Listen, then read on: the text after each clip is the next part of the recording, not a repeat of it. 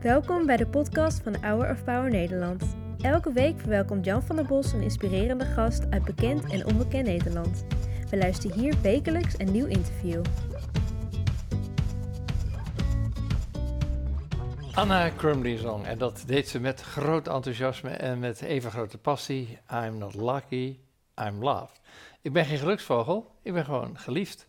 Wat ben jij, geluksvogel en geliefd? Of alleen een geluksvogel? Of alleen geliefd? Geliefd, zeker. Love by God. Ja? Oké. Ja. Sheldon Tellersford, we kennen jouw gezicht van onder andere Beam, van Opwekking, van de Eeuw Jongere Dagen waar je gesproken hebt. En je hebt een boek geschreven, Geloof bevrijdt iedereen altijd. Dat is nogal presentieus. Zeker, zeker. Ja, zeker. Jouw boek begint dat je bij eh, een therapeut op de bank zit. Ik begin meteen pittig inderdaad, Ja. ja. ja. Met het echte verhaal van mezelf. En dat is wat ik zelf heb meegemaakt.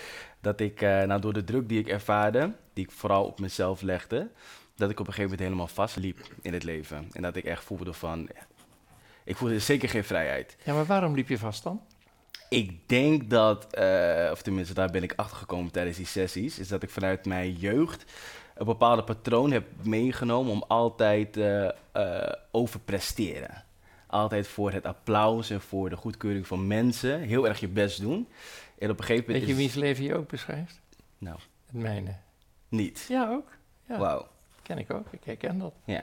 Heel veel mensen, denk ik, herkennen dat. Denk het wel. Ja. En ik denk dat daarom dat boek, daarom voelde ik zo erg op mijn hart om dat boek te schrijven. Maar ik denk dat zoveel mensen daarmee eh, rondlopen. Ongetwijfeld ook heel veel jongeren die daarmee rondlopen.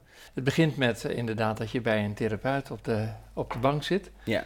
Eh, en wat hielp jou dat? voor het eerst om terug te gaan naar het moment waar het voor mij waarschijnlijk is begonnen.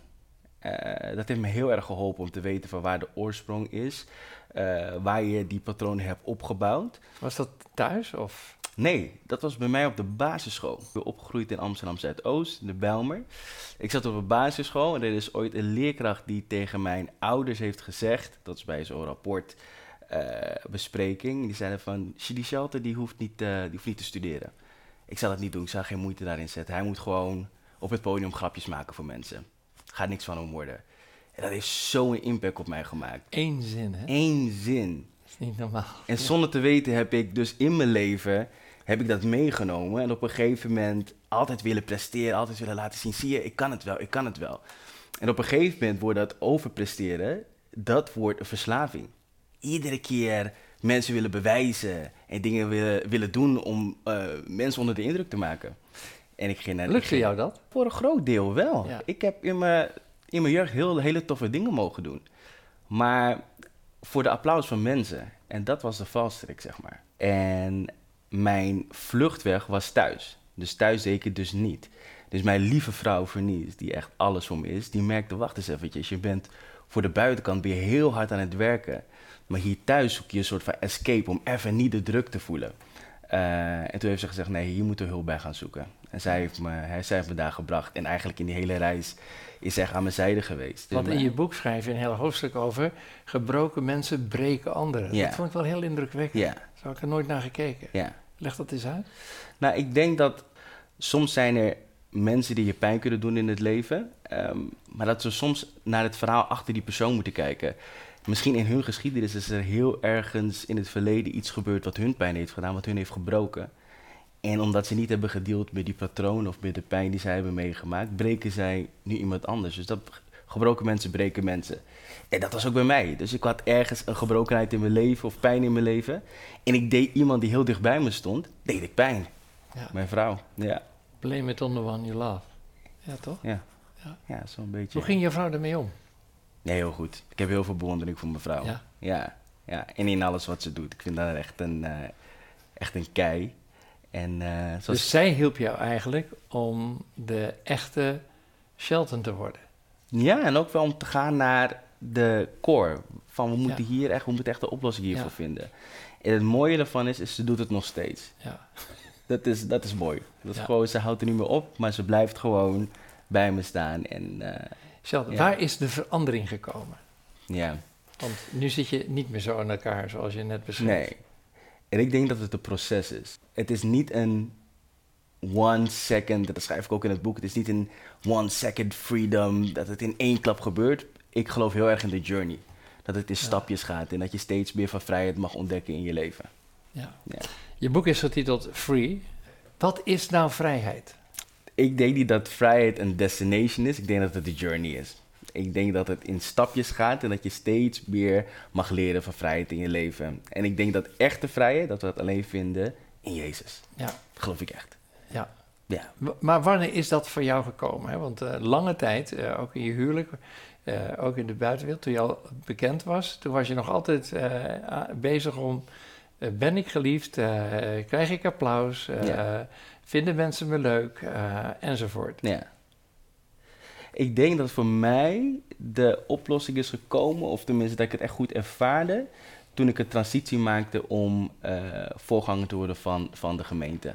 Ja, want voor, voor die tijd zat je bij Youth for Christ, een grote organisatie die Klopt, ja. met jongerenwerk bezig is. Klopt. Dan begin je een eigen gemeente.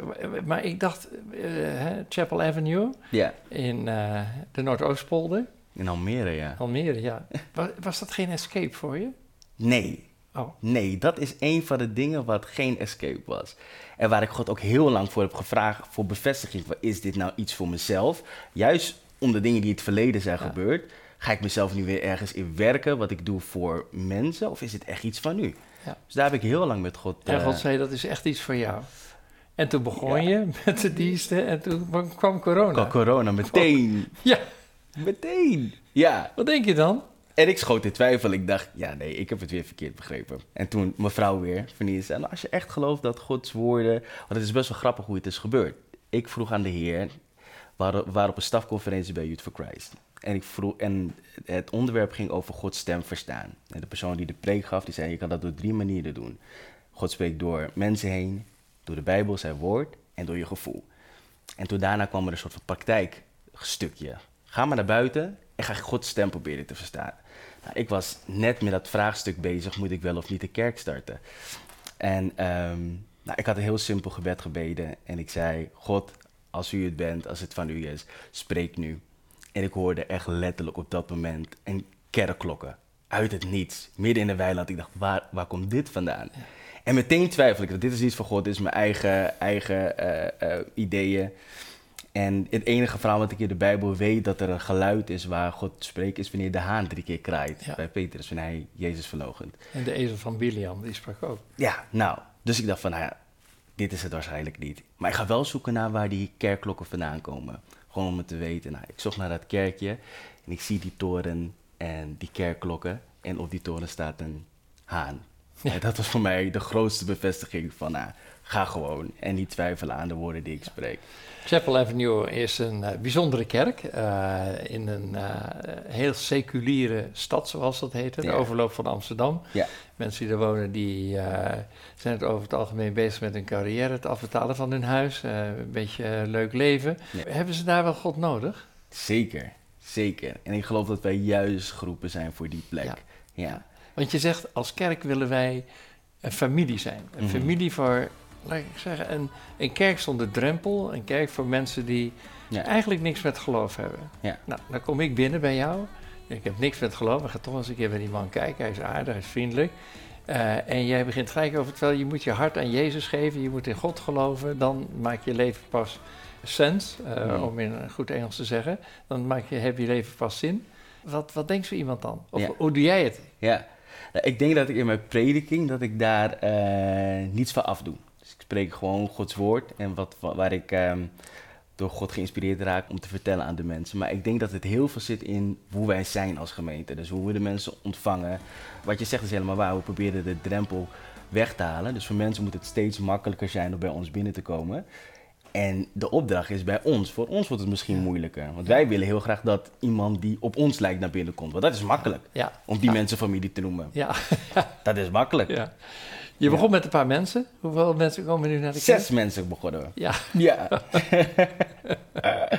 en nu tegenwoordig hebben we twee diensten op een zondag. zo druk. Ja. Ja, jouw kerk, gemeente, is ook een symbool eigenlijk van wat er in Nederland gebeurt. Als je naar de buitenkant naar de kijkt, dan denk je, oh, er wordt weer een kerk gesloten, er wordt weer een kerk gesloopt of eh, omgebouwd.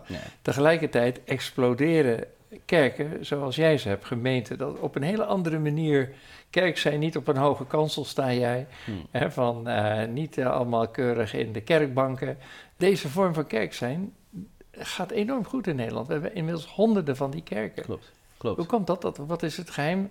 Ja, en het, ik denk niet dat, er, dat het zit in een bepaalde, eh, of ten- althans voor mij hoor, dat het zit in een bepaalde gedachte of een manier van dingen doen. Bij ons denk ik dat het echt in de verlangen om heel dicht bij de mensen te komen. En daar moeite voor te doen. Het kost wat om. Ja.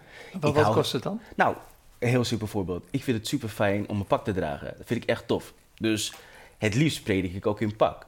Maar ik wil dat die jongen van 17 jaar die binnenkomt, dat hij zich kan identificeren met mij. En dat hij kan zeggen na de dienst, oh die Jordans heb ik ook. Ja. Dus ik doe bewust mijn Jordans aan op zondag. het ligt in dat soort dingen. Je wilt Ja. dicht bij de mensen komen. Ja, ja, ja. Ook Ja. in de muziek en ook in wat je vertelt. Zeker. Jesaja 40 vers 31, wat staat daar? They that wait upon the Lord shall renew their strength. Zij die de Heeren verwachten, putten nieuwe krachten, zullen Ja. opstijgen als met vleugels van een adelaar. Juist. Ja. Waarvoor is die tekst zo belangrijk voor je? Ik vind het een van de mooiste teksten, omdat het zo spreekt tot mijn verbeelding. Als je dan die adelaar ziet. En eh, ik vind het gewoon zo mooi. Ik, ik hou van bijbelgedeeltes waar je je ogen dicht kan maken. En je ziet een plaatje van hoe dat dan zou zijn geweest. Hoe, hoe, hoe, het, hoe, het, hoe het zich afspeelt. vind ik prachtig. Die trotse adelaar vliegt. Ja. Ja. Welke persoon uit de Bijbel spreekt jou het meest aan? Ik denk dat ik een aantal heb, maar ik denk dat nu in dit seizoen.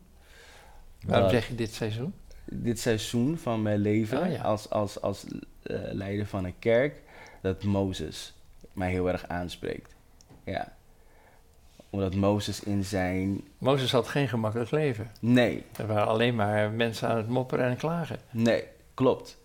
En ook wanneer God hem roept, dat hij zoveel bezwaren heeft. Ja, ja. Had En er geen zin in. Hij had er geen zin, hij had er geen trek in. En vooral dat hij wees op zijn eigen eh, onkunde. Maar ik kan niet, ik ben geen goed spreken. Waarom stuurt u mij? Ja. Ik kan het niet. En dan wordt God op een gegeven moment boos. En dan zegt God, wie maakt doof of stom? Ik ben het. Ik, ik heb jou zo gemaakt. En toch roep ik je. Desondanks wat jij denkt dat je grootste drempel is, toch roep ik je. Nou, zo voel ik me ook soms. Dat ik denk van, heer, volgens mij, ik heb geen idee. Ik heb geen jaren theologie gestudeerd. Waarom sta ik, waarom sta ik hier? En dat God zegt, maar toch roep ik je. En als je zijn stem verstaat, dan kun je niet aan de kant blijven staan. Je bent een bekende spreker. Eh, In de coronatijd heb je heel veel jongeren bemoedigd eh, in. Eh, je sprak ook op de EU Jongerendag. Wat, wat denk je dan van tevoren? Wat wil ik aan ze overbrengen? Ja, het enige wat ik hoop is dat er inderdaad van die negen minuten die je hebt, dat er iets blijft hangen. En ik probeer dat in bepaalde woorden of afkortingen of misschien een beeld. Maar dat ze iets kunnen meenemen naar huis. En dan wanneer ze weer in hun eigen, wanneer ze uit Ahoy zijn, gewoon op hun eigen zolderkamer bijvoorbeeld. Dat dat woord of die gedachte weer binnen springt. En dat ze daar houvast aan hebben. Ja, want hoe kijk je tegen jongeren van deze tijd aan? Ik denk dat ze met heel Ze veel... zijn eenzaam, hè? Eén op de drie jongeren Ja. is zwaar eenzaam. Ik denk dat het leven van onze jongeren heel complex kan zijn. Eh, heel bedrukkend. Ehm, heel veel peer pressure. Ik vind dat, eh, als ik soms hoor de verhalen ook van de jongeren bij ons in de gemeente, maak ik me soms wel zorgen over de dingen waarmee ze, waar ze te maken mee hebben. Ja. Ja. Ik ga terug naar je boek. Je hebt het geschreven om eh, het van je af te schrijven, wat je zelf hebt meegemaakt. En toe te schrijven naar mensen die je wilt helpen om verder in hun leven te komen met hulp van God. Ja. Geloof bevrijdt iedereen altijd. Ja. Als dit in de boekwinkel staat, kan ik me voorstellen dat mensen denken, nou dat is een arrogante titel. ja. Klopt. Klopt, en toch geloof ik het. Toch geloof ik het echt. Als we vasthouden bij de illusie dat vrijheid een bepaalde plek is die wij voor ogen hebben, dan klopt die titel niet. Maar als wij geloven dat met Jezus kunnen wij vrij zijn en dan misschien zijn onze omstandigheden niet veranderd. Maar ik vind vrijheid in Hem, dan klopt die ineens.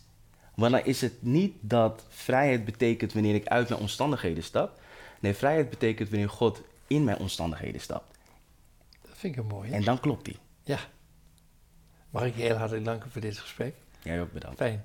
Wat een bemoediging allemaal. En heel veel zegen ook met eh, jouw snel groeiende gemeente. Ik eh, laat je niet met lege handen naar huis gaan. Wauw. Dus ja, we hebben het erover gehad. I love it. Ja, we Dit zijn is goed geïnformeerd, hè? Ja, Ja. dit is echt heel mooi. Je wist het niet, hè? Dat je Nee, nee, nee, nee, zeker niet. Nee. Ik vind hem heel mooi. Ga een mooi plekje voor zoeken. Sheldon, heel hartelijk bedankt.